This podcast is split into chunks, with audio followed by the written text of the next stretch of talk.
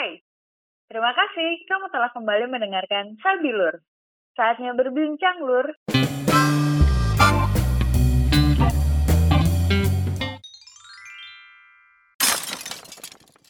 Hai, balik lagi. Lur, Lur, Lur Sadayana. Akhirnya kita kembali uh, memulai episode dengan ada bintang tamu ya Han. Si akhirnya tidak berdua lagi kita. Sekarang kita kedatangan bintang tamu yang mempertemukan kita berdua ya Han. Gila berjasa banget nih kalau nggak ada dia nih kayak kita nggak kenal dia nggak ada nih podcast nih. iya benar benar benar. Perkenalkan diri coba. Kita sambut. Abid. Gimana kabar sehat Abid? Iya. Makasih aman Bid. Alhamdulillah. Bekasi lagi ada proyek dari Elon Musk dari SpaceX. Oh iya, ih keren banget. Ini tuh cerita tentang Abid tuh sempat kita singgung waktu ngobrol sama Fajri kan ya? Iya. Padahal kita nggak nyebut merek, tapi dia sudah merasa, wah bagus lah. Memang pengalamannya juga menurut kita ya Han, cukup menarik. Makanya Fajrus pun mengangkat kisahnya dia. Dan kenapa enggak kita jadiin part episodenya dia gitu ya, gasihan. Jadi kan kalian tuh sudah menjadi teman lebih dulu dibanding kita kita kan. Jadi waktu itu ada event di Bekasi, Abid ngajak Hani yang gue juga belum kenal sama Hani waktu itu ya. Eh kita kenalan deh gitu. Kalau si Abid kagak ngajak Hani, gue juga kagak kenal dah sampai sekarang kayaknya ya. Kalau aku mager ke ya, Tambun kayaknya sih nggak kenal juga sih sampai sekarang kak. Jauh banget sorry iya. guys Tambun ya Allah. Ngantri mulu lagi di Manggarai keretanya. Asli, sumpah, sama. Terima kasih loh. Terima kasih Abi. Iya, sama-sama. Iya, jadi kemarin kan si Fajrus tuh sempet nyinggung yang lu kerja di tempat lift itu ya, Bit ya? Oh iya, proyek itu di daerah Sudirman sekarang udah jadi tuh gedung itu menara cuy. Iya, gimana rasanya? Dari manis, asam, pahit. Dari awal, dari awal coba itu dari berapa lama sih, Kenapa tiba-tiba bisa kerja di perusahaan lift? Uh, awal itu gue sempet decide dari perusahaan perusahaan gak bagus lah cuman perusahaan jual-jual tiket travel gitu kan. Di situ gue jalan-jalan aja naik motor sambil pulang. Kebetulan di pas gue lewat daerah Sudirman itu Tower kan lagi dibangun tuh. Ada pelang lah banner lowongan gitu kan. Ya udah gue coba apply ke email yang ada di situ lah. Nggak taunya dari email tersebut gue diarahin ke perusahaan kontraktor lift. Dapat undangan deh tuh invite interview di daerah Puri Kembangan cuy Kalideres Jakarta Barat. Jam setengah delapan pagi dari Tambun jam 4 gelo gelo perjalanan jauh itu. Itu mau mudik apa mau interview kerja sih Bet bisa jauh banget. Dari situ gue ngelamar segala macam prosesnya ngelamar biasa lah gitu kan kerja kerja kerja. Akhirnya cukup tiga hari cukup tiga hari itu dapat undangan balik buat kerja di Sudirman gitu kan dapat job desknya sebagai seorang teknisi lift. Sementara uh, sekolah gua tuh teknik komputer jaringan nggak ada ngaruh-ngaruhnya sama sekali kan?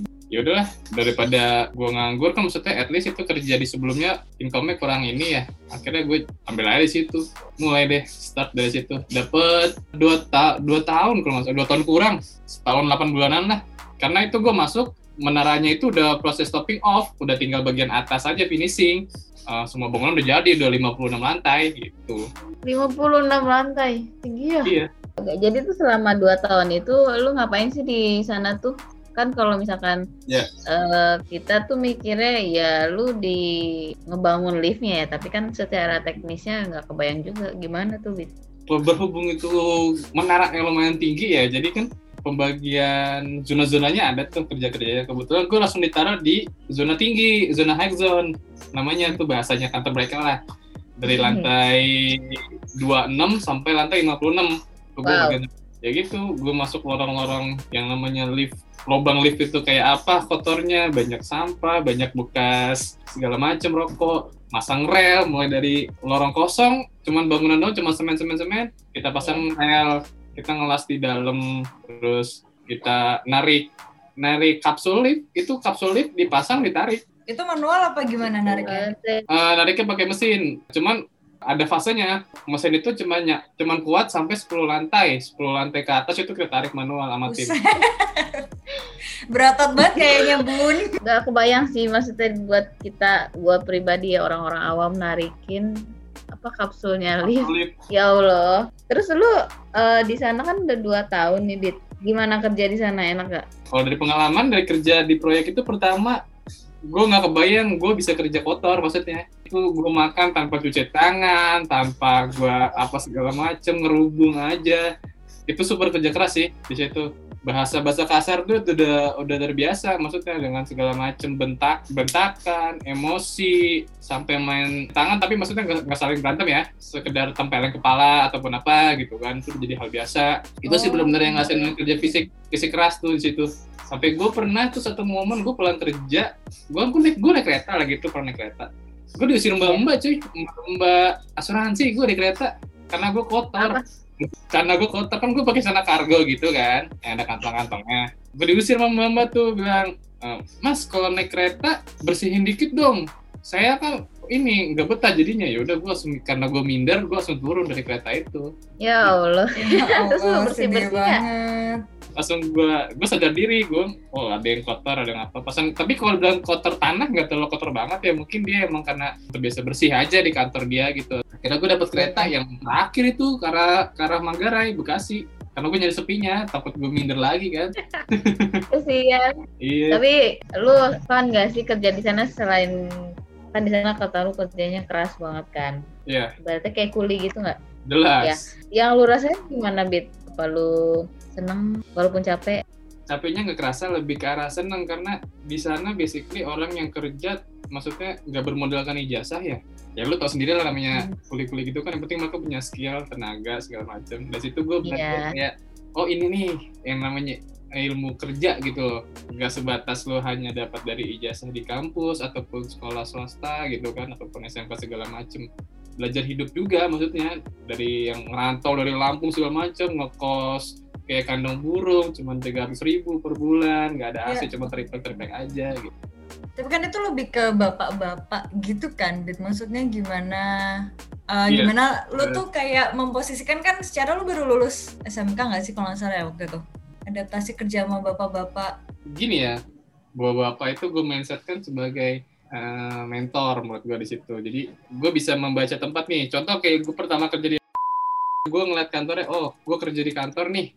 Berarti otomatis gue dengan bahasa saya misalnya ataupun segala macam gue lebih kayak uh, misi-misi ataupun segala macam gitu kan. Nah pas gue set ke proyek ini gue awal coba kayak gitu gue coba terapin kayak gue di gue kayak permisi apa segala macam. Terus gue dapet ya namanya di proyek kan kalau orang ngomong kan nyepos nyepos ya. Dia ngomong kayak udah lu di sini jangan terlalu sopan biasa-biasa aja. Mereka sebenarnya rada nggak suka sih maksudnya kayak gitu budaya-budaya kayak gitu. Mereka lebih senang kayak lo masuk lo butuh apa ya masuk. Nggak usah pakai formal-formal kayak di kantor gitu. Kalau kerja mau bawa bapak ya rasanya lucu ya pertama sih mereka ngomonginnya susu anak burung peliharaan oli motor segala macem. Cuman dari situ ke bawah aja sifat kedewasaannya. Terlatih terlatih banget di situ. Terlatih buat kerja bagus buat disiplin sama ngelatih fisik sih. Fisik banget emang di situ tuh. Jadi cowok banget lah gitu. Oh, langsung berotot nggak kan dilatih fisik iya, berarti ini ya apa namanya lu jadi terbawa sama lingkungan yang notabene lebih tua ah. daripada lu umurnya ya. Iya, iya betul. Di situ kan lu kerja selama dua tahun ya. Yeah. Setelah itu yang kita tahu kan lu apa sebagai kreatif desainer nih. Iya. Itu gimana, Bi? Peralihannya kan itu lumayan jomplang ya. Gue jomplang abis. Dari pakaian Look, gue harus tidak berpakaian keren gitu outfitnya. Terus tiba-tiba kreatif desain yang lu bisa kerja di mana aja itu kan? Iya. Uh -uh jadi itu 2017 uh, ah, oh ya itu menjelang 2018 sih kan proyek menara itu selesai 2018 Maret itu udah join ke tuh nggak salah tuh udah kenal Fajrus tuh. Nah dari situ bulan-bulan Februari gue udah sering kontak kan sama Fajrus Terus lagi di mana? Gini gini gue jemput uh, gue yang ketemu dia gitu walaupun jadi lantai agung dari segala macam akhirnya gue ngobrol gue bilang terus gue sebenarnya punya nih bakat. Maksudnya gue bisa bikin bikin desain segala macam tapi gimana ya cara gue buat bisa diterima di perusahaan kreatif agency gitu? Ya tiap weekend lah gue coaching klinik sama Fajrus kan. Uh, ada satu momen gue ketemu Fajrus itu dia benar-benar kayak ngasih pelajaran gitu maksudnya masukan dia nggak ngarahin gue harus ke perusahaan apa apa apa tapi dia ngasih tracknya nih jalan buat lu bisa diterima ataupun lu masuk di perusahaan tersebut gitu kan. Akhirnya dia gue inget banget dia datang bawa satu buku buku portofolio gitu portofolio desain desain temen ya dibawa sama dia. Gue bilang nih lu bawa bit. Lu pelajarin di rumah terserah mau gimana bentuknya.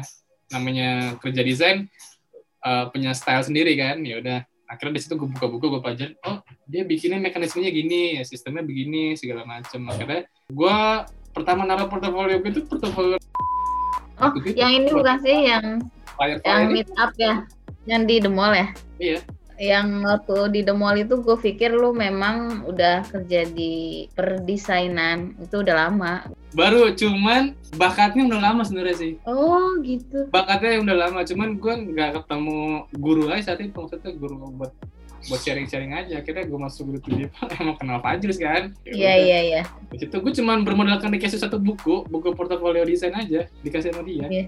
ya portofolio pertama gue itu untuk ngelamar ke perusahaan kreatif agensi di daerah Buaran dan Sawit lah gitu gue ingat banget.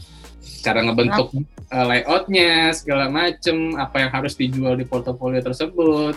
Gue ngeliat lowongan di job street gue apply. Itu besok paginya jam-jam tujuh setengah delapan pagi lah ya jam-jam kantor mulai lah ya. Itu gue dapet email buat tuntunan interview jam satu siang hari ini. Gue bilang wah gila nih HRD-nya kata gue jam jam delapan ngundang eh setengah delapan ngundang jam satu gue harus datang kata gue gue datang deh. Karena gue tipikal orangnya emang yang gak banyak mikir kan maksudnya nih gue harus kerja apa harus gue ambil apa enggak ambil apa enggak langsung gue ambil aja deh. Itu gue bermodalkan dua puluh ribu aja untuk mencetak satu buku portofolio. Yang akhirnya gue nyetak di fotokopi biasa bukan di percetakan. Hasilnya bagus ya aja eh. Tindaknya parah cuman dengan bermodalkan gue ngomong aja gue jelasin ini impactnya ini yang gue bikin kayak gini impactnya gitu kan ke HRD-nya ya udah gue selang dari interview selesai dapat break tuh dapat break dua jam. Dua jam yang lain pada jajan pada makan gue bingung duit gue tinggal lima ribu di dompet. Akhirnya gue main handphone aja tuh. Akhirnya jam-jam 6 sorean gitu deh gue langsung suruh ngisi form sign kontrak gitu loh langsung posisi creative designer bukan graphic designer cuman lagi tuh gue nyantumin link linkin gue graphic designer karena menurut gue jadi creative designer tuh berat sih emang beda ya porsi kerja graphic designer beda, creative designer beda, art director beda, creative director beda gitu. Dan Cuma, itu berjalan berapa lama tuh di situ? Dari Maret Maret awal 2017 sampai Juni Juni 2019. Berarti uh, kenapa lebih cepat resignnya dari yang ketika itu kerjaan jadi passion lo dan kesukaan lo dibanding yang lo kerja di lift itu tadi? Lebih cepat yang di passion. Karena waktu gue di lift itu menurut gue bagian hidup gue untuk belajar. Gue nerima kerja keras fisik omongannya keras segala macam itu. Gue situ di tempatnya di situ menurut gue gue menempatkan posisi diri gue itu untuk di tempat. Makanya untuk yang gue pindah ke passion itu situasi kondisi sih yang menuntut gue untuk realistis nggak harus idealis terus. Hai terima kasih telah mendengarkan podcast Sabilur jangan lupa dengerin episode selanjutnya ya. See you